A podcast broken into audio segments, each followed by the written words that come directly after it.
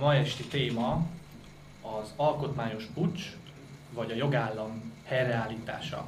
Ugye az alaptörvényünknek a jogrendből való kivezetéséről fogunk beszélgetni. Hadd mutassam be a beszélgető, illetve vitapartnereket. Dr. Bárándi Péter volt igazságügyminiszter és ügyvéd úr, illetve dr. Karsai Dániel ügyvéd úr, illetve alkotmányjogász. Jó estét kívánok! A, a segítségemre lesz Kovács Réka Róza, joghallgató, jó magam, Enyvák Benyámin Máté vagyok, szintén joghallgató. Nagyon fontos, még mielőtt belekezdünk a sűrűjébe, csak hogy érthető legyen a ma esti beszélgetésünk, hogy pontosan mi is a különbség a legalitás, illetve a lega, le, legitimitás között. Először Bárány Péter urat szeretném erről megkérdezni. Mai témán szempontjából azt gondolom, hogy az a meghatározás helyes, hogy az egyik az egy formális jogszerűséget jelent, a másik pedig az én számomra legalábbis egy tartalmi megközelítés. Igen. Karsai, Karsai De hát ezt természetesen bővebben is kifejthetjük, most kezdjük így két mondattal. Én is akkor visszafogom magam.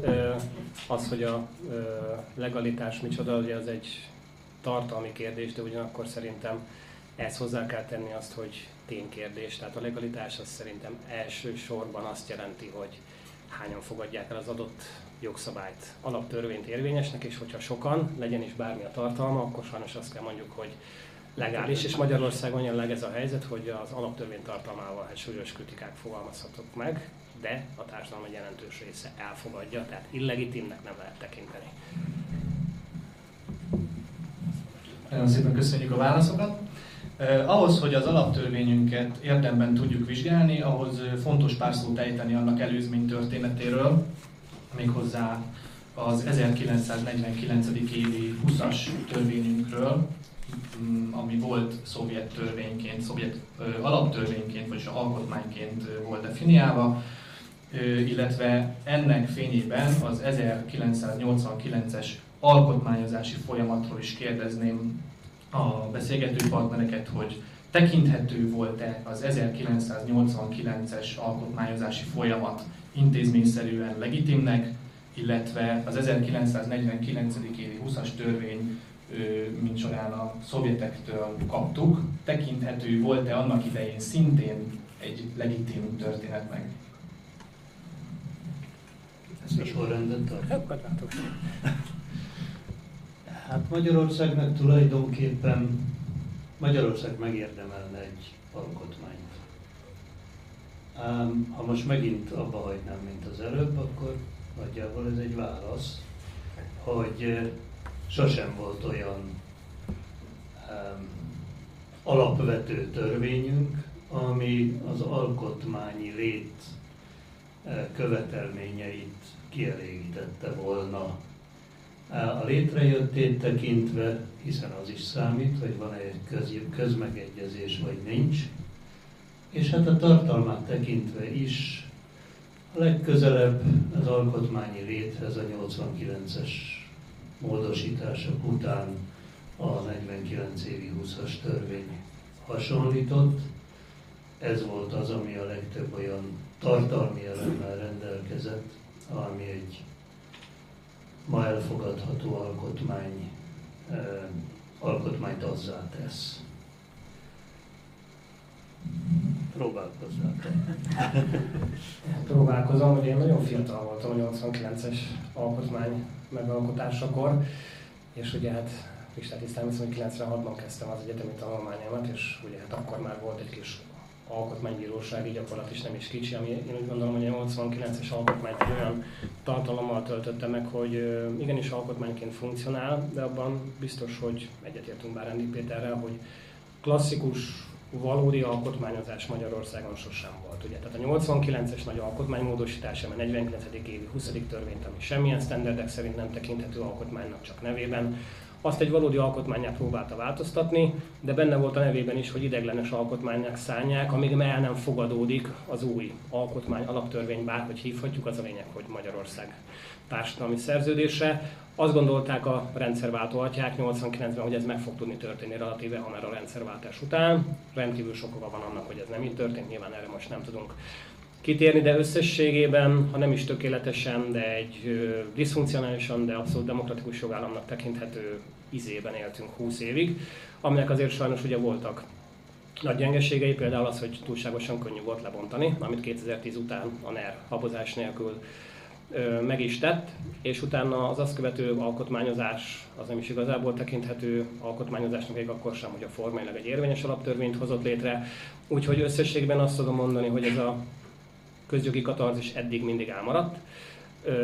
Én úgy gondolom, hogy ebben kicsit lehet most önellent mondani fogok tenni, de szerintem nem az. Ettől függetlenül alkotmányozási kényszerhelyzet jelenleg nincs. Alkotmányossági szükséghelyzet van, mert Magyarországon jelenleg nincs demokratikus jogállam, de ezt nem vagy nem feltétlenül kell az alaptörvény módosításával, vagy egy új alaptörvény elfogadásával megoldani.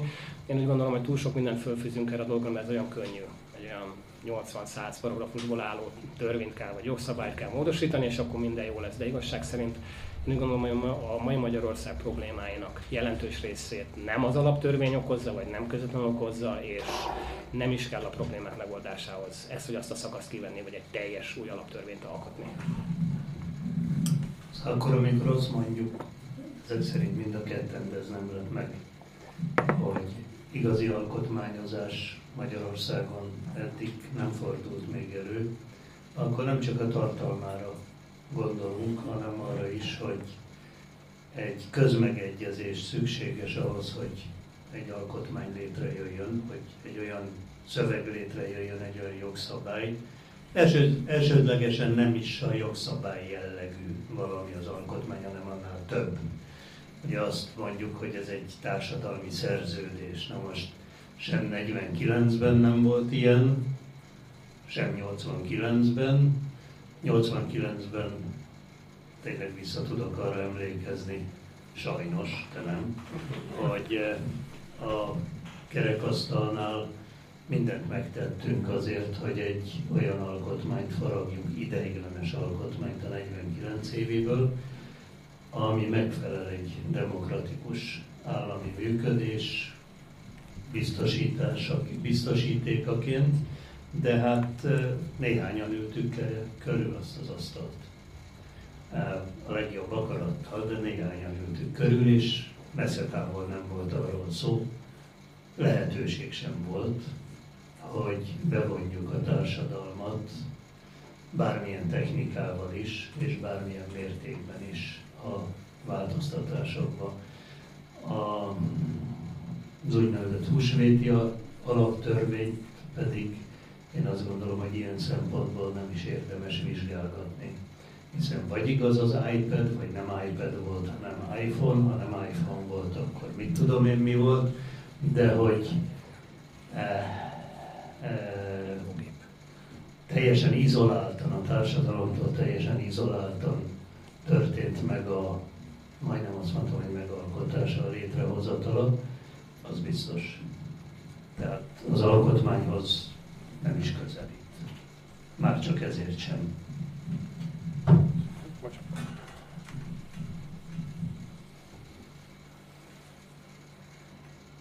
Mindez, mindezek tükrében most Berendi úr ugye elmondta a véleményét a jelenlegi alaptörvényükről, legalábbis egy részét. Mindezek tükrében, tehát akkor így látja 2010 és 2012 közötti alkotmányozást, hogy, tehát, hogy ez nem legitim az alaptörvény, vagy mindezek ellenére legitimnek gondolni. Attól függ, hát ha belemegyünk abba, hogy a jogállamiságnak vannak, van egy formai tartalma, és van egy materiális tartalma. A formai tartalom nyilvánvalóan az lenne, és ha végig megyünk ezeken az elemeken, hogy legyen egy jogbiztonság, legyen egy egyértelműsége a a jogi szövegeknek, így tehát az alaptörvénynek is. Nem tudom, hogyha ezt végig gondolják a hallgatók, akkor igenlő a válasz, hiszen sem egyértelműnek nem tekinthető. Utaljak csak példaként arra, hogy az ercik ugye azt mondja ki, hogy a történelmi alkotmány vívmányainak tükrében, prizmáján keresztül kell a szöveget értelmezni, sőt, hát aztán tovább megyünk azon, hogy hasonló a bírói jogértelmezésre adott iránymutatás is, ezzel teljesen relativizálja az egész szöveget, mert aki nekem megmondja, hogy mi a történelmi alkotmány, aztán megmondja, hogy mik azoknak a vívmányai, az előttem járó családi generációban valaki azt mondta, hogy annak adok egy aranyszínűre szívott tajtékpipát. Szóval eh, már a formai követelményeknek sem felel meg. A, hát szerintem nem. A materiális, és, és nézzük azt, hogy kilenc módosítás, ami megint csak nem a jogbiztonságot tükrözi, Nézzük azt, hogy az Alkotmánybíróság által megsemmisített szövegeket inkorporálják az alaptörvénybe, de a materiális részét nézzük a, a jogállamiságnak, akkor ott ugye a jogerőti egyenlőséget kell biztosítani. Én ezt nem látom az alaptörvényünkben. Hát mutassunk rá csak a legegyszerűbben ellenőrizhetőre, a hajléktalanság mikénti rendezésére, és akkor ezt lehet sorolni, csak azt akartam mondani, és azt akarom mondani, hogy mindkét elemnek, tehát a formainak és a materiálisnak is tükröződnie kell a, az alapvető törvényből, nevezzük azt akárminek, Eh, hiszen ez állna a jogállamiságnak a csúcsán, ha lenne. Kezdünk elérni a hardcore vitapontokhoz, legnagyobb örömömre. Tehát ha van köztünk komoly szakmai nézeteltérés, akkor talán pontosan ez a pont az. Nevezetesen, hogy mikor lesz érvénytelen egy alkotmány, illetve mikor lesz illegitim. Ugye ezt a kérdést már elkezdtük pontszolgatni, de akkor most kicsit esünk neki mélyebbről vagy távolabbról. Tehát egy alkotmány akkor lesz érvénytelen, hogyha nem a ráirányadó eljárási szabályok szerint fogadják el. Az új alkotmányi alaptörvény elfogadására voltak szabályok a 49-es, 89-es alkotmányban, egyszerűen kétharmaddal el lehetett fogadni. Maga az alaptörvény úgy rendelkezett, visszautalt a alkotmány vonatkozó szabályára, kétharmaddal fogadták el az alaptörvényt. Most az is egyébként egy ilyen városi legenda, hogy valójában négy kellett volna, de nagyon kevés időnk van, nem, nem volt ilyen szabály. És vita van arról, hogy az már 98-ban hatályon kívül helyeződött, szerintem nem, de az biztos, hogy 2011-ben biztonságkedvére a Fidesz kétharmaddal, amire joga volt, ezt a 4 5 szabályt, ami egyébként csak arról szólt, hogy az új alaptörvény vagy alkotmány megalkotásáról szóló országgyűlési határozathoz jelentsen is ez bármit kell 4 5 ezt hatályon kívül helyezték. Tehát az alaptörvény megalkotásáról pillanatában csak annyi volt a szabály, hogy kétharmaddal kell elfogadni. Ezt a Fidesz összehozta, mert volt neki kétharmada 2011-ben. Pont. De hát a formális jogá, jogi értelemben vett legalitásnak az alaptörvény megfelel, tetszik, nem tetszik. És most jön a nagyon izgalmas kérdés, amiben köztünk ugye vita van, hogy mi van abban az esetben... Hát várjál mielőtt. Jó, bocsánat. Ebben a vitába belebonyolulunk. Jó, pedig még jó. A, for, a formai e, e, létrejötte is azért kifogásolható hogy amit szoktunk mondani, hogy származtatja magát a 49 évi 20-asból, egyik szóval, vagy egyik mondatban, a másik mondatban kimondja, hogy a 49 évi 20-as érvénytelen. Hát csóválod a fejed. Nem, mindjárt válaszol, jó? Bocsánat, nem um, Igen. Szóval a létrejöttével kapcsolatban is van baj, van baj azzal is, hogy a bizottságot gyakorlatilag megszüntették ami megint kétharmaddal persze megszüntethető. De a 49 évivel kapcsolatos problémák azok kétharmaddal sem orvosolhatóak. elkezdünk elmenni a nagyon izgalmas dolgokba. Tehát való igaz, az alaptörvény kimondta a csúnya gonosz kommunista alkotmány érvénytelenségét, ami alapján önmagát megalkotta, ugye? De, ugye, az alaptörvény megalkotására 2011. április 25-én került sor.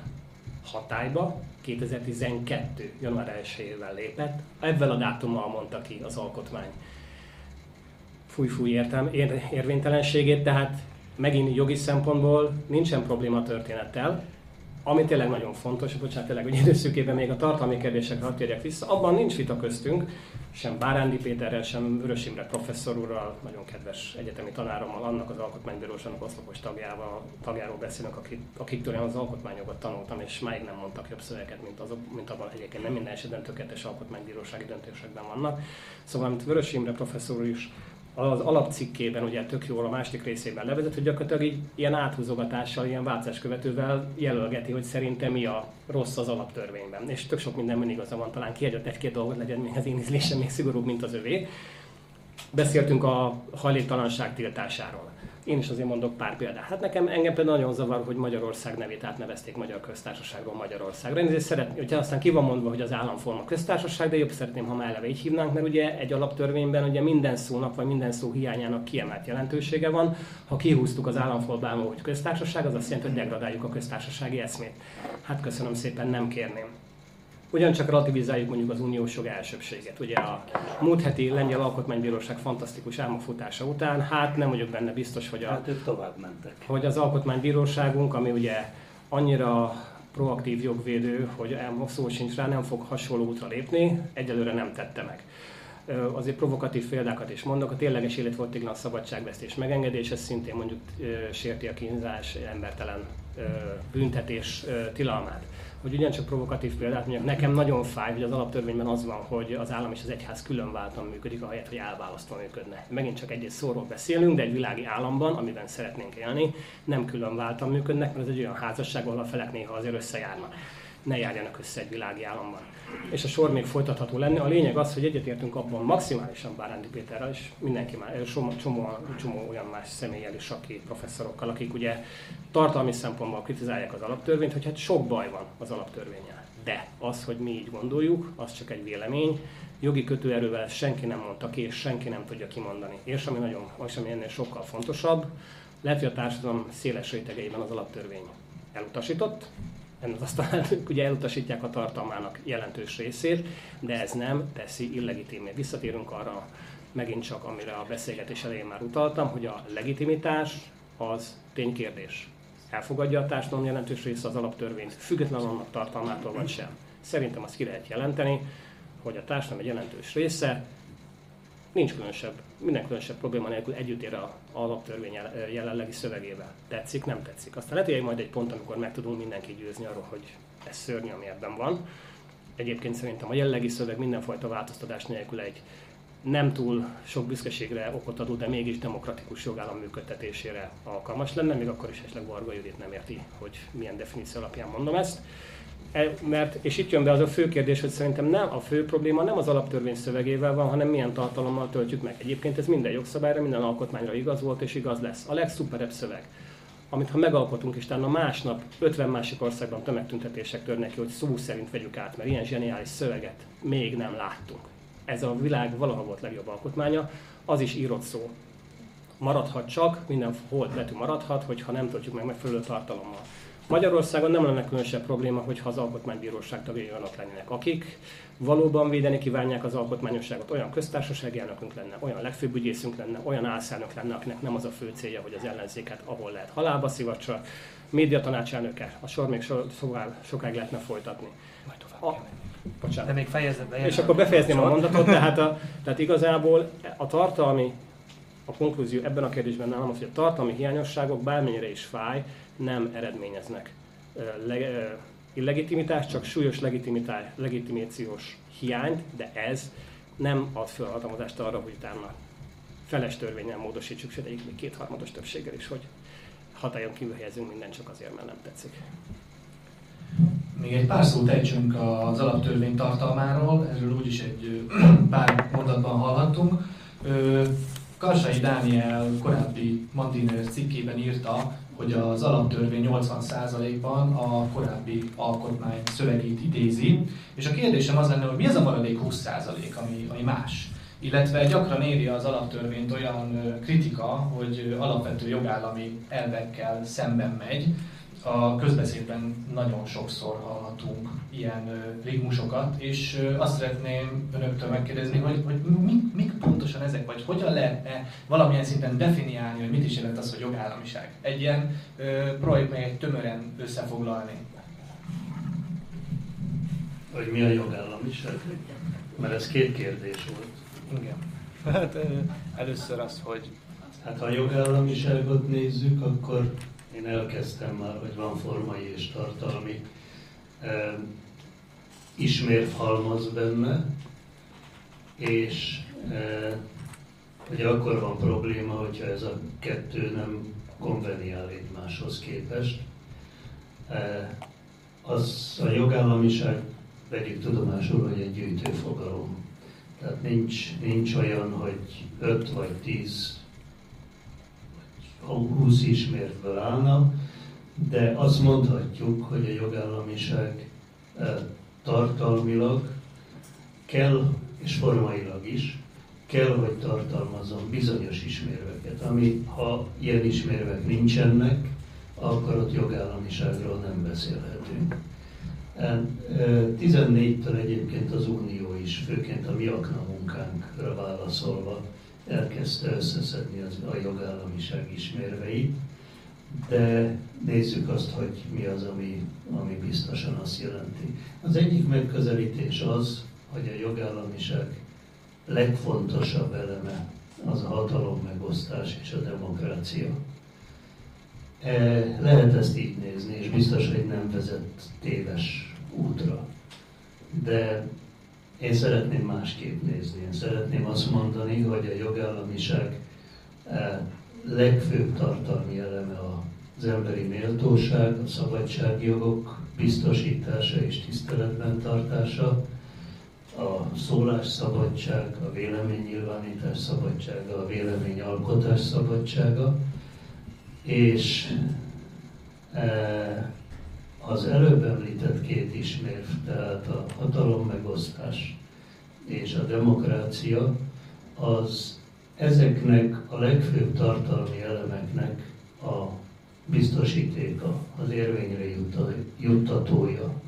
Ha ezek nincsenek, akkor az általam legfőbb tartalmi elemeknek tekintett eh, értékeknek az érvényre juttatása és biztosítása az megkérdőjelezendő. Tehát a, a, az szerint, amivel lehet vitatkozni természetesen, a hatalom megosztásnak, hatalom megosztásnak és a demokráciának a tényleges működése, annak, ha ránézünk, akkor két e, fontos megnyilvánulása van. Az egyik, amiről eddig beszéltem, hogy biztosítja azon értékeknek a létét, sértetlenségét, amelyeket felsoroltam. A másik az, hogyha ezek elvesznek, tehát nincs hatalom megosztás, nincs demokrácia, akkor az, mint egy lakmuszpapír, nagyon sokszor előrejelzi azt, hogy az alapvető értékek biztonsága az megszűnt. Hiszen, hogy érzékeltessem ezt, szóval a hatalommegosztás megszűnik, az önkényes és kizárólagos hatalomgyakorlás megvalósul akkor is, ha az alapvető értékek, mint az emberi méltóság és a többi felsorolt, még súlyos sérelmet nem szenved, de az a helyzet már kialakult, amikor a hatalom gyakorlója ebben nincs meggátolva. Um, példát szoktál kérni, akkor, amikor egy országban, és most akkor kicsit kilépünk a, a, az alaptörvény szövegéből, három most pontatlan, jogilag pontatlan meghatározás fogok tudatosan használni. Három rendkívüli jogrend van egyszerre párhuzamosan érvényben. Az egyik ugye az olyan, ami az alaptörvényben valahol a gyökerét meg lehet találni rosszul, de meg lehet találni. Ugye ez a veszélyhelyzet, ez egy különleges jogrendi képződmény, amit nem lett volna szabad előhívni, mert nem voltak meg a feltételei, de ezt most tekintsünk el.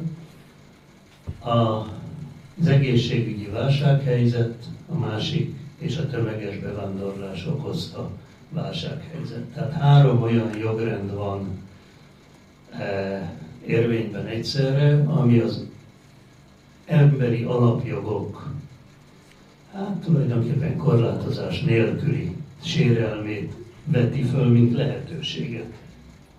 Még nem kergettek ki senkit a lakásából. Még nem mondták senkinek azt, hogy nem, be, nem beszélhet külföldivel. Még nem mondták senkinek azt, hogy nem hagyhatja el a lakóhelyét, és így tovább. Hogy nem e, szabad a vélemény nyilvánítása, hogy nem gyülekezhet. De a lehetőséget kialakította ez a három rendkívüli jogrend. Ne javíts ki, hogy nem így hívják, valahogy próbálom összefoglalni, ugye, mert, mert az egyiknek van jogi eh, pontos definíciója, a másik kettő azt nem tudod, hogy csatlakoztatni, bár tartalmilag nagyjából ugyanazt fedi le. Igen, két kérdés van, ugye mi a jogállamiság, akkor tartsuk az igazságügyi minisztérium jelenlegi vezetése részére egy kis alapfokú Szerintem nincs. Hát szerintem nincs definíciója, ugye nem tudom megállni, hogy egy jobb alatti példával ne jöjjek, azért szerintem a jogállamiság olyan, mint a pornó, nem tudom definiálni, de fölismerem, ha látom. És azért jó pár olyan jellemzője van, amit szerintem azért megegyezhetünk, hogy van. És akkor nézzük meg, hogy Magyarországon ez ma érvényesül le, ugye, amit Péter is mondott, ugye jogegyenlőség és jogbiztonság. Ez biztos, hogy a jogállamiság definíciójába beleesik. Ezek Magyarországon jelenleg azért sérülnek, mert ugye valóban nyílt elnyomás nincs, egészen addig a pillanatig, amíg mondjuk a NER hatalmi centrumaiban valóban nem kíván az ember komoly kárt okozni, abban a pillanatban azért nagyon komoly károk történhetnek. A jogbiztonság is relatív, ugye az említett ugye veszélyhelyzeti rendkívüli jogrendben való majdnem egy éves tartózkodás, folyamatos tartózkodások, hát most még egyre csak három évnél tartunk. Ugyancsak nagyon fontos, és nem kell különösebben átgondolni, csak akkor az ember jelenleg igazságminiszter, hogy az a jogállamnak fontos tartozék az emberi jogok tiszteletben tartását. Magyarországon ez szintén nagyon ö, súlyos hiányokat ö, mutat föl, nincs totális diktatúra. Magyarország nem a sztálini Szovjetunió, nem az 50-es évek kommunista Magyarországa, nem a jelen Észak-Koreája de azért nagyon súlyos. Azért ez nagy boldogsággal. Igen, nagy boldogsággal tölt el. Például van szólásszabadság, mert ugye ha nem lenne, akkor az előbbi mondatot nem mondhatta volna el, vagy mondjuk azonnal szembe kéne nézni súlyos polgári jogi vagy büntetőjogi kötvényekkel, nem lesz ilyen nagy valószínűséggel, szóval nem vagyok olyan nagyon bátor, mint aminek szeretnék tűnni. De az biztos, hogy az emberi jogokat és sok esetben számos alkalommal lábbal tiporják, hogy egy abszolút egoista példát mondjak, hát én ebből élek tíz éve, egy emberi jognak szakosodott ügyvédi irodát működtetek, és még nem kapott fel az állam. Úgyhogy sajnos ugye egyre nagyon sok és sokszor nagyon nagy súlyú, anyagilag is nagy súlyú jogsértést figyelhetünk meg. Sok esetben ugye egy olyan gazdasági átrendeződés is van, aminek ugye emberi jogi ága volt. Amiről Péter is beszélt a hatalom megosztás elve, ugye jelenleg ugye ez nagyon szorvány, alig működik már, még a bírói hatalom mutat valamilyen függetlenséget, de ezt is próbálják beszántani, és hát ugye ez a, talán most héten az utolsó felsorolandó jellege a jogállamiságnak, ugye, hogy a bírói függetlenség rettentő fontos, tehát jogvitákat meg életviszonyokat alapvetően befolyásoló vitás helyzeteket csak és kizárólag bíróságok ö, dönthetnek el, hogy a magyar bíróságok mennyire függetlenek, hát vegyes, még nem veszett el ez a csata, de nem is biztos, hogy nyerésre állunk. És ugye, hogy gyorsan, bocsánat, még válaszoljunk az első kérdésre, hogy ugye 80%-ban azonos a 89-es alkotmányal a jellegi alaptörvény. Ugye a legfontosabb jellemzője az, hogy az alaptörvény ugye hát nem volt ötletük rá gyökeresen, ő állami berendezkedés nem hozott létre, ugyanúgy van a legfőbb ügyész, köztársasági elnök, kormány, országgyűlés, állami számvevőszék, tehát a főbb közjogi méltóságok gyakorlatilag ugyanolyan, majd majdnem ugyanolyan hatáskörrel a helyükön maradtak. Ami ugye más, hogy van az elején egy ilyen nemzeti hitvallás, amiben egyébként nagyon szép mondatok vannak, csak kicsit túl hosszú, meg van benne egy rettentő hosszú paragrafus arról, hogy a kommunista múltal mennyire leszámolnak. Egyébként az nagyon szomorú és, nem tudom, és egyben vicces olvasmány is, amikor az ember végigolvasol, mit rónak föl a kommunista diktatúrának például azt, hogy idegen érdekeknek kiszolgáltatja Magyarországot, még szerencse, hogy ez a 2021-ben föl sem merül, hogy megtörténhessen a magyar kormányzat részéről. Tehát összességében nagy változás nincs, hát ugye, amiket már nem tettünk, a hajléktalanság korlátozása, szégyellem is magamot, csak most említjük meg mondjuk a melegek jogainak korlátozása, olyan gyalázat, aminek nincs egy alaptörvény, mert ilyen különbségek vannak. De hát én úgy gondolom, hogy a jogállamiság meg jó alaptörvény az nem mennyiségi kérdés, tehát ha mondjuk csak 100 kg kompliból csak 20 kg rohadt, akkor már nincsen nagy baj. Tehát ugye alapvető strukturális és tartalmi problémák vannak. Én úgy gondolom, hogy az analízisben nincs köztünk vita, abban van, hogy hogyan lehet ezt a beteget meggyógyítani. Azért az analízisben is van annyi, hogy, hogy az a viszonylag kevésnek tűnő, legalábbis a szöveg méretet tekintve kevésnek tűnő különbség, ami a 89-es alkotmányhoz képest van, az viszont lényegi. Hát, amire én már hivatkoztam, de ide illik a válaszok között, az ercik alapján, az a bizonyos történelmi alkotmány vívmányai alapján kell e, értelmezni az alaptörvény minden szavát, amiről nem tudjuk, hogy micsoda. Tehát már eleve ez úgy feloldja az értelmezésnek, az értelemnek a határait, ami által kezelhetetlenné válik az egész szöveg.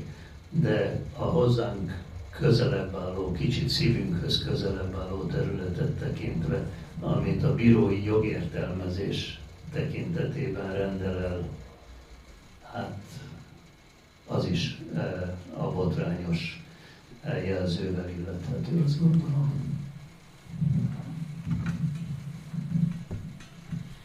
Márkizaj Péter miniszterelnök jelölt érvénytelenné nyilvánítaná az alaptörvényünket, mégpedig arra hivatkozik, hogy közjogilag érvénytelen. Önök szerint beszélhetünk-e arról, hogy az alaptörvény közjogilag érvénytelen-e vagy érvényese, illetve mit szólnak az érvényessége mellett és az érvényessége ellen? most már erről a cuccról már Kizaj Péter is lejött. A miniszterelnöki, a miniszterelnöki vitában Dobrev Klárával együtt. Nem kábítószer. Nem kábítószer, de nem is a józanság jele. Szóval ugye még a Egyébként szerintem tényleg nagyon izgalmas előválasztás kapcsán, amikor végre valódi viták voltak, például a közjogi viták, és ugye nagyon markáns vélemények jelentek meg, nevezetesen, hogy az alaptörvény érvénytelen, közjogilag érvénytelen, felessel helyezzük hatályon kívül. Tegyük tisztába, hogy a közjogi érvénytelenség mit jelent. Az azt jelenti, hogy valamilyen eljárásjogi szabálynak nem felel meg az adott norma, jogszabály megalkotása ahogy erről beszéltünk a beszélgetésen, nem fogom elmondani az álláspontomat, az alaptörvényre ezt nem lehet ráhúzni. Amit most egyébként Márkizák Péter, meg még a Dobrev Klára is mondott a vitában, az az, hogy egy ilyen izét akarnak, egy ilyen nyilatkozatot, országgyűlési határozatot gondolom más nem lehet, amiben kimondják az érvénytelenséget, de rögtön hozzátették, hogy nem, nem, felesen nem akarjuk módosítani az alaptörvénynek hatályon kívül helyezni. Tehát azt mondani, hogy egy mindenfajta jogi kötelező nélküli politikai nyilatkozatot nyugodtan tegyenek meg, megnyugszanak, hazamennek, nem lesz belőle probléma most már azért kezdenek, a, kezd azért a racionalitás meg a megvalósít, valódi megvalósíthatóság oldalára visszatérni a, a felek. Közjogi érvénytelenség nincs, tetszik, nem tetszik. Tíz éve itt van ez az alaptörvény, most nem lehet hirtelen elkezdeni azt mondani, hogy jogi szempontból érvénytelen, főleg közjogi szempontból érvénytelen. Ugye a felsorolt nagyon súlyos tartalmi hiányosságok, amiket Bálendi Péter is mondott, és amivel egyetértek egyébként, jelentős részével nem orvosolhatóak a magyar jogrendszerben. Nincs olyan szerv, aki ezt ki tudná mondani. Egyedül egy alkotmányozó hatalom tudná kimondani, hogy ezt meg azt a szabályt hatályon kivejezem, teljesen új alaptörvényt alkotok, ha megvan ez a felhatalmazás. Egyébként Márkizáj Péter tegnap már kétharmadra kért felhatalmazást, ami szerintem az egyetlen logikus és jogszerű módszer. Minden más az forradalmi program, azt is meg lehet hirdetni. De Magyarországon senki nem csinál forradalmat, bocsánat, még egy mondatot elmondok, mert ez is aktuális pénteki botrány volt, hogy a médiatanács elnök asszonya lemond, pedig még nem járna a mandátuma, csak 2022 őszén járna le, hogy meg lehessen választani 9 évre az utódját. Kilóg a lóláb, nyilvánvaló, hogy itt hatalomátmentésről van szó, lehet, hogy az én figyelmem került el, nem hogy forradalom nem tört ki, egy icurka-picurka tüntetés sem szervezett még senki. Akkor hogy akarunk itt mi forradalmi alkotmányozása még erre se futotta? Hát szerintem akkor viszont maradjunk a közjogi realitások talaján.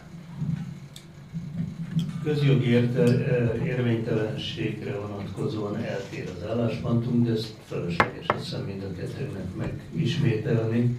Ugye én kifogásolom azt, hogy a 49 évi 20-as törvényt kétféleképpen nem lehet alkalmazni, ugye egyrészt nem lehet azt mondani, hogy érvénytelen, másrészt nem lehet abból származtatni önmagamat, másrészt meg a bizottságnak a feloszlatása. Tehát lehet olyanokat találni, olyan nem nagyon kell keresni, olyan elemeket, amelyek nem felelnek meg az alkotmányozás formai jegyeinek. De azt gondolom, hogy a legfőbb különbség nem ebben van, hanem abban a bizonyos C második bekezdésének a mikénti értelmezésében, ami hát egy ellenállási záradék, ami a törekvés esetén minden jogos eszközzel való fellépést teszi lehetővé. Ez nem a jelenlegi alaptörvénynek a találmánya, és nem csak itt lelhető föl, hanem szó szerint vette át a 49 évi 20-as törvénynek a, jól emlékszem, a második szakasz, harmadik bekezdése volt. Nem szó szerinti, de a származása az aranybulából is levezethető, ahol természetesen a nemzetet más, nemzetet fogalmán mást értettek, mint amit most értünk de az akkori nemzetnek a kezébe helyezték ezt az ellenállási jogot. Ez van. A kérdés az, hogy mi ennek a tartalma. Mi hogy ellenállunk, miként ellenállunk, mit teszünk. És ez az aranybula óta kérdés. Na most ez a bizonyos cécik második bekezdés, ez a, az erőszakos, illetőleg a kizárólagos hatalom megszerzésére irányuló törekvéseket eh, vonja ez alá az ernyő alá, és mondja ki azt, hogy ez ellen mindenki jogosult és köteles a törvényes eszközökkel föllépni. Szó volt itt már Vörös Imréről, én vele egyetértek, hogy, a, hogy ez addig egész ez a mondat így, amíg csak a törekvés van meg. Amikor már a törekvés az beteljesül, akkor kikerül a jogosult kezéből ez a teljes jogkör, ha a törekvés beteljesült, ha megvan a kizárólagos hatalombirtoklás, akkor megszűnik az ellenállási jog. Tehát, hogyha rosszabb a helyzet, akkor az utolsó eszköz is kiesik az ellenálló kezéből. Ezt szerintem nem fogjuk most egy mikrofonváltással megoldani ezt a problémát. Nem, közel fogunk kerülni, most is aljas leszek. Tehát ugye törvényes eszközökkel lehet fölépni a hatalom kizárólagos birtoklására való törekvésre, törekvések ellen. Ugye hát az első logikai bakugrás nekem mindig az volt ebben a gondolatmenetben, hogyha ez alapján mondjuk az egész alaptörvényt, vagy az egész NER konstrukciót érvénytelenné nyilvánítjuk, akkor maga a fölépésünk jogalapja is érvénytelenné válik. Tehát ha már előbb hangzott el, ugye a 89-es alkotmány alapján nem lehetett alaptörvényezni, akkor az, alaptörvény, az érvénytelen alaptörvény alapján nem lehet fölépni az alaptörvény érvénytelensége érdekében. Kicsit belezavarodtam a saját gondolatmenetembe is. Ö, egyébként, és itt jön a kis aljasság, hogy ha már történeti alkotmány, ö, Lopok Jakab András Telex interjújából, ugye 1687-ben ugye nem mondtak a rendek az ellenállási jogról, de történetileg benne van a jus resistendi a magyar alkotmányos hagyományban, tehát akkor ez alapján mondjuk akkor lázadhatunk. De megismétlem, ugye mi csak jogászok vagyunk, és a csakot most nem pejoratíven mondtam egyikünkre se, mi csak jogról tudunk beszélni. Amit Vörös Imre, Báremi Péter is fölvet, az egy forradalmi program nagy klasszikusokat, Antal Józsefet idézem, tetszettek van, vagy tetszenek majd forradalmat csinálni, és akkor menni fog. Tehát igazából ugye ilyen önfelszámoló normák nincsenek semmi jogrendszerben, nem lehet. Jogi nonsens, nem tudja a jog önmagát felszámolni. A jog az önmagán belül tud gondolkodni, hála Isten az élet sokkal több és más, mint jogszabály, akár társadalmi alapszerződés, alaptörvény szövege, de nem tudunk jogi érveket találni egy jogon kívüli helyzet megoldására, és nem is feltétlenül kell, én úgy gondolom. És főként úgy nem lehet, hogy azért sosincs kontextustól független beszélgetés, jelenleg Magyarországon nincs forradalmi helyzet. A NER működését nagyon sokan én is felháborítanak tartom, de nem csináltunk, nem csinálunk forradalmat. Egyébként azt mondom, hála Istennek, hogy a forradalom általában fölfalja a gyermekeit. Legális választásra készülünk, ahol az ellenzék át akarja venni legális eszközökkel a hatalmat. Ezek után nem kötheti szembe és nem taposhatja meg saját maga legitimitásának jogszabályi alapjait abban, hogy kinyilvánítja jogi szempontból az érvénytelenséget, még akkor is, hogyha nagyon szeretnénk. Megismétlem, ugye van más út, ugye a NER lebontásáról nagyon sokan sokan beszéltek.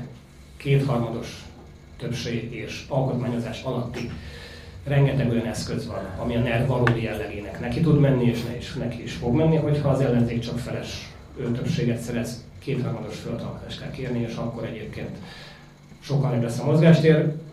Az előválasztáson nem nyert Doblev Klára szájából hangzott egyébként számomra a legkedvesebb mondat ebben a vitában, amikor ő azt is mondta, hogy nem pusztán az egypárti alaptörvény elfogadhatatlan, hanem a hat párti is.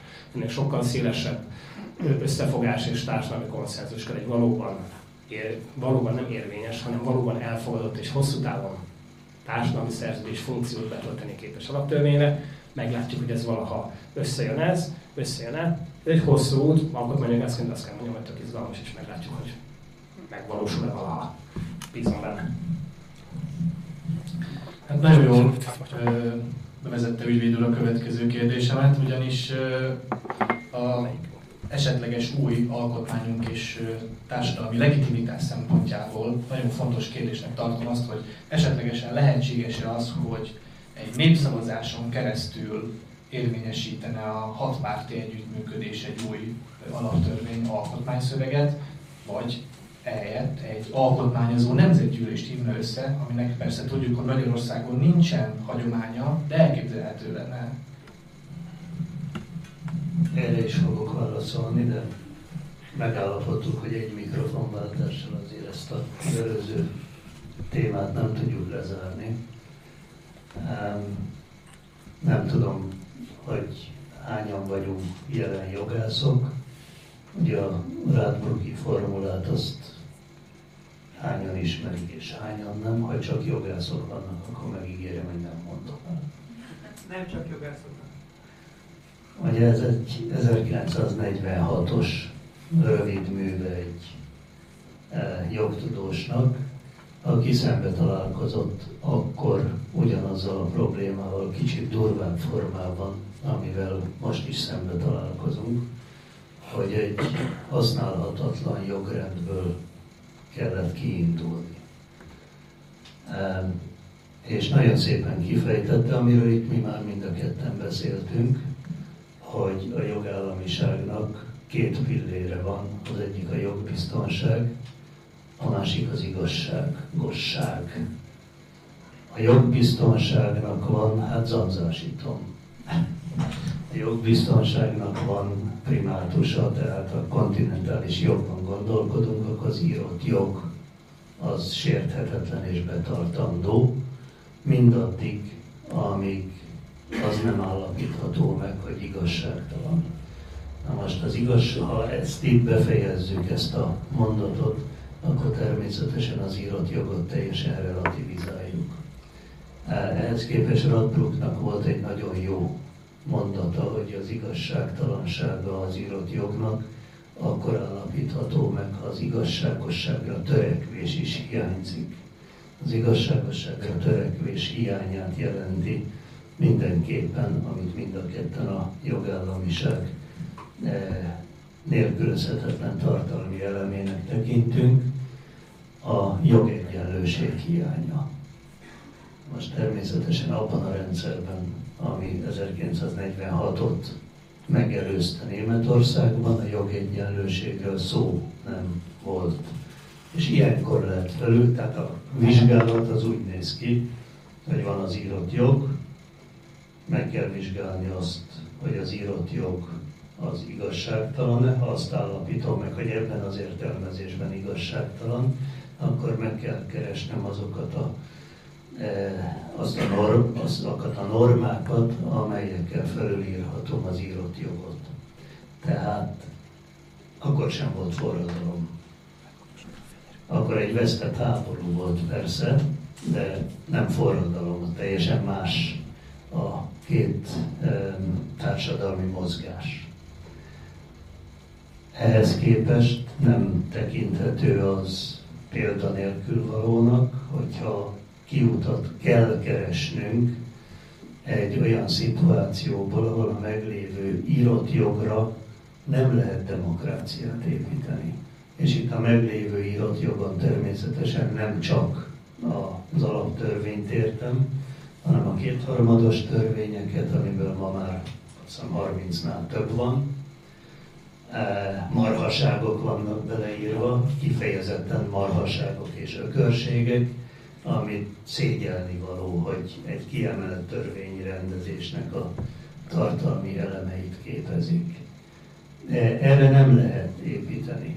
Eh, a következő probléma, ugye, tehát hogyha most a demokratikus átalakulás, vagy egy igazi demokrácia létrehozatalának a az akadályrendszerét akarom tekinteni Magyarországban, akkor azt kell mondanom, hogy az alaptörvény, a kétharmados törvények és a különböző, most megint rossz jogi fogalmat fogok használni, de ellenőrzés, egyensúlyt eh, garantálni hivatott szervezetek élére kinevezett vezetők és néhány eh, olyan testület tagjai, amelyek ezeknek a szervezeteknek a funkcionális működését ellehetetlenítik, illetve biztosítják azt, hogy nem működhessenek ellensúlyként, hanem, hogy klasszikust idézzek, ne fékek legyenek, hanem motorja legyen a, a kormányzati tevékenységnek. Spontán az időnk, úgyhogy próbálom nagyon gyorsan reagálni, illetve válaszolni az eredeti kérdésre is. Tehát továbbra is egy feladaton... még adós marad. Továbbra is feladaton ellentmondás van a között, hogy tartalmilag milyen erős kritikákat fogalmazunk meg, az a társadalomban mennyire elfogadott, és a valós cselekvési lehetőségek között. Itt konkrét példát mondok, tehát ugye és akkor válaszolva is a kérdésre, hogy lehet-e mondjuk feles többséggel alaptörvényt módosítani, és aztán azt egy népszavazással jóvá hagyatjuk. Ugye az alaptörvény egy cikk egyértelműen fogalmaz, kétharmaddal lehet alaptörvény módosítani, és ugye az alkotmánybíróságnak arra van hatásköre, hogy ha az eljárási szabályokat nem tartotta meg, akkor a köztársaságnak javaslata, hogy ő ebben a jogkörében nem ér, akkor mondjuk a kúria elnök, legfőbb ügyész, ombudsman, képviselők egynegyének indítványára megállapítsa, hogy hát nem volt kóser az alaptörvény elfogadásának módja, és hát ezt meg is fogja tenni. Mert ha mondjuk csak 56% szavazza meg az új alaptörvényt, hát az nem kétharmad a tudomány jelenlegi állása szerint. Tehát egyszerűen nem történik meg az a pillanat, nem következik be az a pillanat, amikor népszavazással bármit jóvá lehetne hagyni, és nagyon szépek a nemes természetjogi elvek, de nem lesznek alkalmazhatók a konkrét magyar helyzetben, ahol nincs ez a nagy társadalmi változás, ugye ennyiben kiegészíteni magam, hogy persze általában forradalomról beszélünk, azért úgy gondolom, hogy a náci Németországot még véletlenül sem hasonlítsak össze az Orbán rezsimmel, ez nem egy tömeggyilkos diktatúra, ez egy autoritár kleptokrácia, és ez szimpatikus, de azért nem ugyanaz a kávéház. És ugye azért a második háború után, a második háború után voltunk, ami egy 40 és 60 millió áldozat közötti olyan kataklizma volt, ami után teljesen más világ következett. Ott az ilyen természetjogi érvelésnek volt helye. Most nem vagyunk egyedül legalábbis, és azt kell mondjam, hála Istennek ilyen ö, kataklizma remélem előtt, után biztos, hogy nem. Egy nagyon-nagyon diszfunkcionális jogrendszerben élünk, de egy létező jogrendszerben, amit egyelőre a jog keretein belül próbálunk megoldani. Azt nem, utána a jog keretein belül logikailag nem lehet jogon kívüli eszközökkel megvalósítani dolgokat, és egyszerűen tényleg nem fog bekövetkezni, tehát amit ö, arra a költékedésre kell válaszolni, tehát hogy mondjuk ö, visszavonjuk az alkotmánybíróság jogköreit jelentsen, és ez bár. Mi van, hogyha másnap bemennek a munkahelyükre? Vagy Skype-on megtartják a következő teljesülést, és meg sem istenek három bírói döntést, ugye alkotmányjogi panasz eljárásban erre joguk van, akkor az érvényes lesz, nem lesz érvényes azok a bíróságok, akiknek meg sem is tették a döntéseit, mert mondjuk a tisztességes eljáráshoz való jogot sértette az alkotmánybíróság szerint, akkor már ismétlik az eljárásokat, vagy nem. Szóval ez nem kivitelezhető, és ugye nincs tér, megismétlem, nincs térből időből kivett vita, a kontextus mindig nagyon fontos, és ez a jelenlegi kontextus, tíz éve velünk van az alaptörvény, 3 millió beadványt írtunk az Alkotmánybírósághoz az alaptörvényre hivatkozva, nem lehet most hirtelen kitalálni, hogy úgy, ahogy van érvénytelen, és ez nem defetizmus, ez nem a közjogi reform elmismásolása, hanem ugye a Sherlock Holmes maxima, hogyha kizárunk minden lehetetlen verziót, akkor ami marad az a valóság, és az meg az, hogy nem lehet repkedni a jogrendszer fölött, jelenleg nincsenek meg hozzá a szárnyaink. Um, azt gondolom, hogy a mi vitánk tárgyát tekintve nem az a lényeg, hogy, a, hogy egy demokratikus működés kialakítását meggátló jogi szabályhalmaz mennyire embertelen e rendszerben jött létre, hanem az, hogy létrejött egy olyan szabályhalmaz, ami ennek a gátja. Függetlenül attól, nagyjából függetlenül attól, hogy az a rendszer mennyi az emberséget tett, amíg létrehozta ezt a jogrendszert.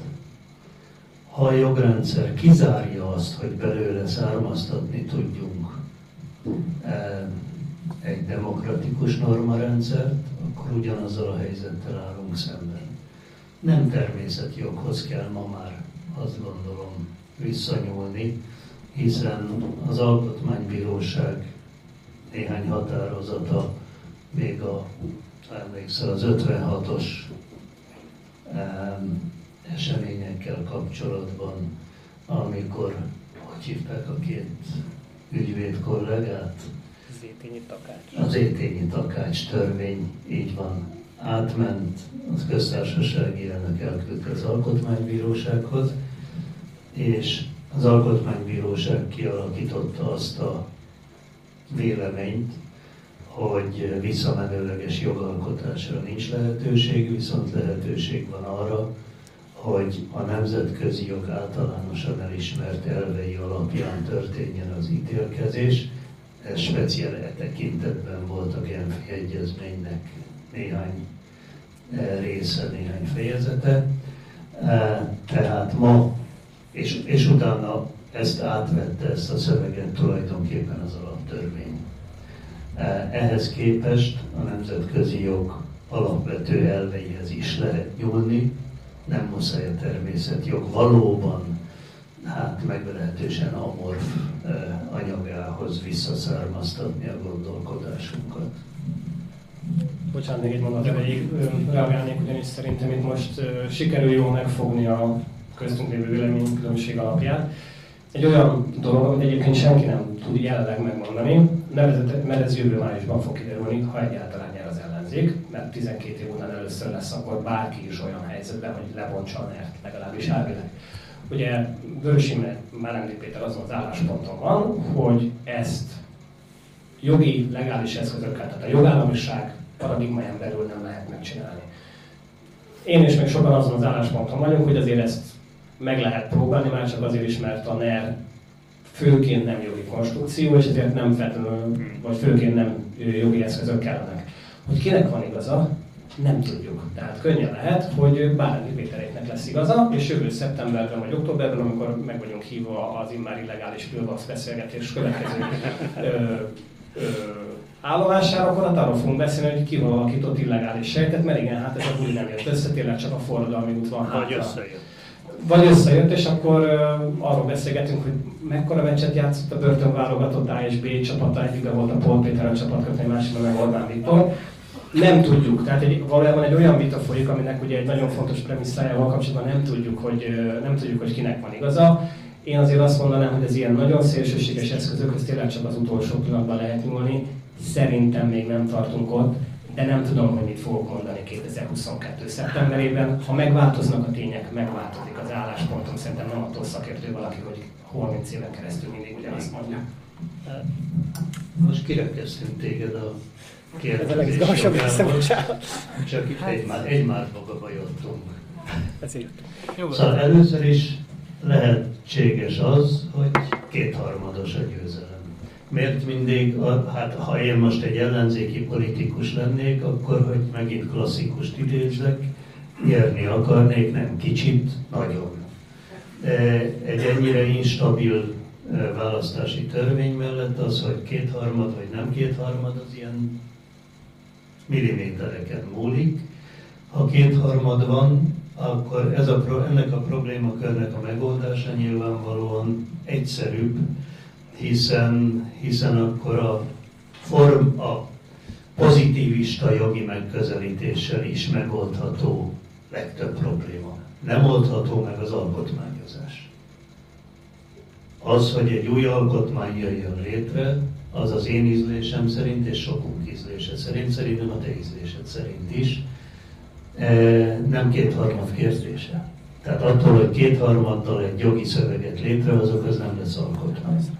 Tehát itt a mi vitánk az, az a szükséges és azonnali cselekvések eh, tekintetében áll fenn. Azt gondolom, hogy mind a ketten azt mondjuk, de a szavaikból is ezt a következtetést mondtam le, hogy alkotmányt létrehozni nem lehet ilyen heveny módon, az jó esetben egy-két-három évet vesz igénybe, és erről megint beszélhetnénk tovább, hogy hogy, hogy lehet e, azt a társadalmi egyeztetésnek milyen technikáit kell kialakítani ahhoz, hogy tényleg egy kvázi társadalmi szerződés szövegeként jelenjen meg egy alkotmány végre Magyarországon. És már kérdezni kell. Igen. Visszafolykom. Amennyiben az ellenzék hatályon kívül, vagyis érvénytelenné nyilvánítaná az alaptörvényt, úgy mi lenne azoknak a törvényeinek a sorsa, amelyek az alaptörvényből vezetik le a legitimitásukat? Ezek is érvénytelenné válnának automatikusan, illetve ez veszélyeztetné a jogbiztonságot. Ugye általában általánosságban is mondható az, hogy ha egy új alaptörvény születik, akkor maga a jogrendszer ugye az nem helyeződik hatályon kívül. Hogyha komolyan veszük magunkat, és egy tényleg új alaptörvény születik meg, akkor a, annak van egy mondjuk hatályba lépési dátum, ami nem másnap. Tehát a jogalkotónak az alkotmányozó hatalom ad egy olyan időt, amíg tudja harmonizálni az új alaptörvény a már meglévő jogot. Az biztos, hogy a régi alaptörvény napján létrejött jogszabályok, jogviszonyok nem lesznek semmisek. Onnantól kezdve nem érvénytelen minden bérleti szerződés, nem érvénytelenek a ö, különböző megállapodások, szóval ez, ez nincs, és ez szerintem nem is okoz ö, problémát. Ugye nyilván, ugye, ha jól értem a kérdést, az inkább mondjuk arra vonatkozna, hogy, hogy mondjuk a Péter által is említett különböző nagyon gáz kétharmados törvények, elég csak itt ugye a legfrissebb, egyik legfrissebb szégyenre ugye az egyetemi magánalapítványok kétharmados törvénybe betonozására gondolni, de még sok példát hozhatnánk,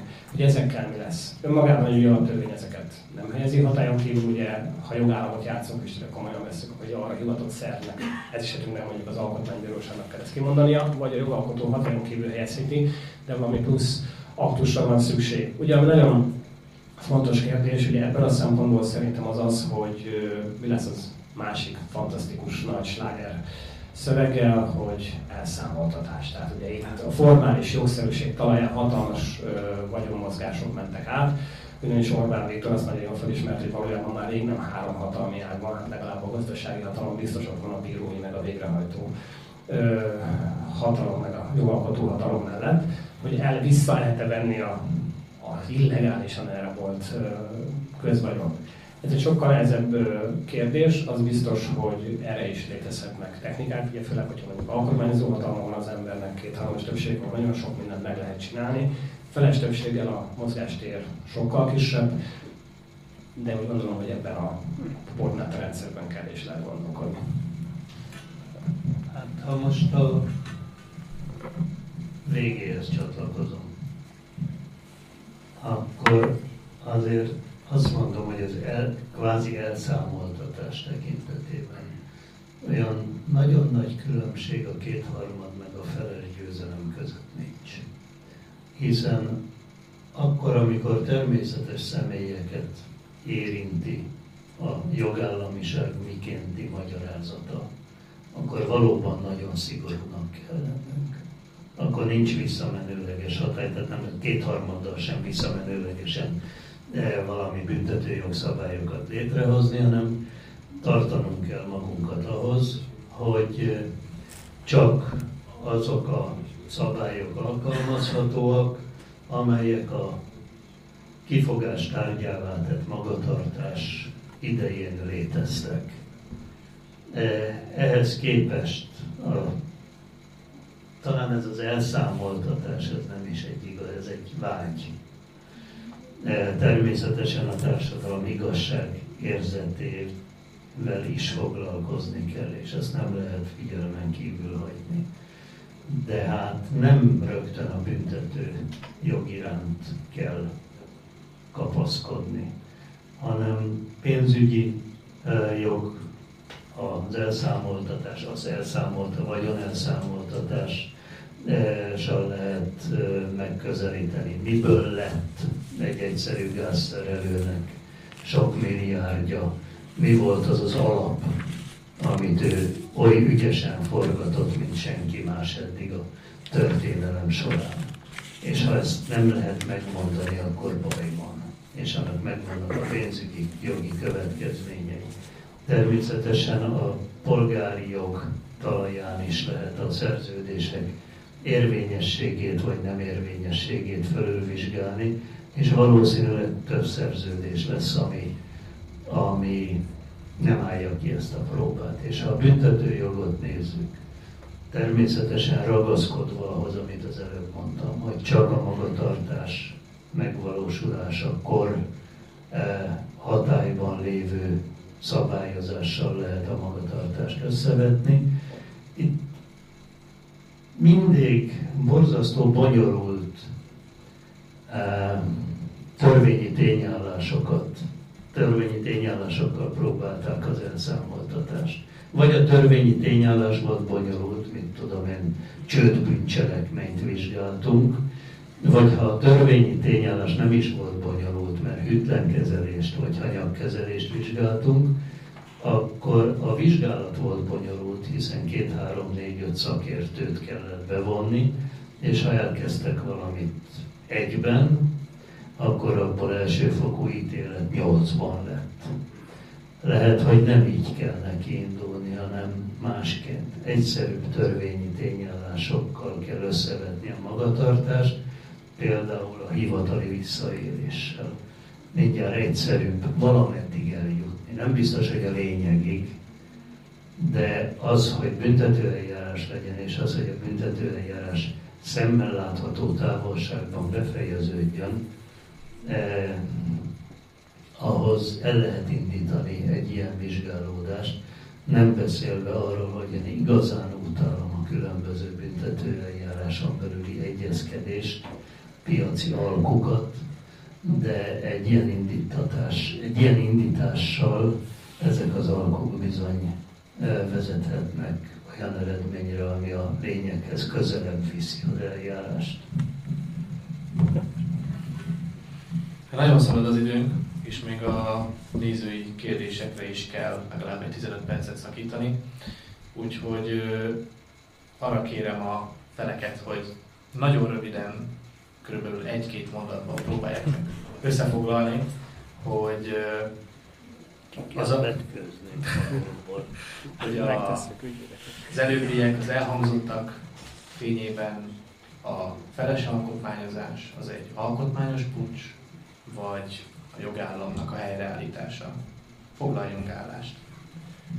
Úgy gondolom, hogy a feles alkotmányozás az inkább ilyen alkotmányos puncs, nem igazán lehet ezt sehogy se fogyasztani, meg főleg nem meginni.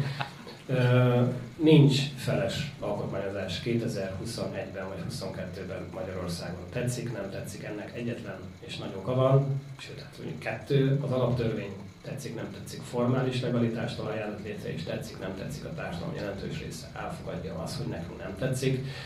Az ebből a szempontból irreleváns, egyéb eszközöket és módokat kell keresni a jogállam helyre, de ezek a módok léteznek, nem kell aggódni. Um, azt gondolom, hogy a válasz nem lehet ott keresni, hogy a társadalomnak egy jelentős csoportja elfogadja a szabályozást, vagy nincs ilyen jelentős csoport. Forradalmi helyzet idején is van egy jelentős csoport, aki még nem akar forradalmat. Másrészt, hogyha az alaptörvénybe most belefoglalnánk a jus primé noctis és arra várnánk, hogy majd egyszer lesz kétharmad, de addig működik, ebből se lenne forradalom. Szóval ez a formális megközelítés, ami a pártján a Daniel, jogszerű. De azt gondolom, hogy az a um, szubstanciálisabb megközelítés, ami az enyém, az is jogszerű, ha a jognak a lényegét tekintjük, és azt mondjuk, hogy az a jognak látszó tárgy, az a normarendszer, ami a már többször mindkettőnk által fölhívott, de főként általam fölhívott e, igazságosságnak a próbáját nem állja ki. Ami tehát nem állja ki azt, hogy a jog alapvető funkciójával rendelkezne, azzal, hogy a társadalmi igazságos rend fenntartását szolgálja, hát akkor innen egészen más tudunk elindulni, mint amit te vázoltál. Aztán meglátjuk, hogy melyik megoldás lesz. Hát ezt nem tudjuk, de azt gondolom, hogy mind, ugye azért tudunk ezen vitatkozni, mert mind a kettőnk által előadottban nagyon azt gondolom elfogulatlanul magammal szemben is, hogy nagyon sok igazság van és nagyon sok lehetőség van. Az, hogy melyik uton, utat tudjuk majd járni, az természetesen, na ez a társadalmi támogatottságtól függ.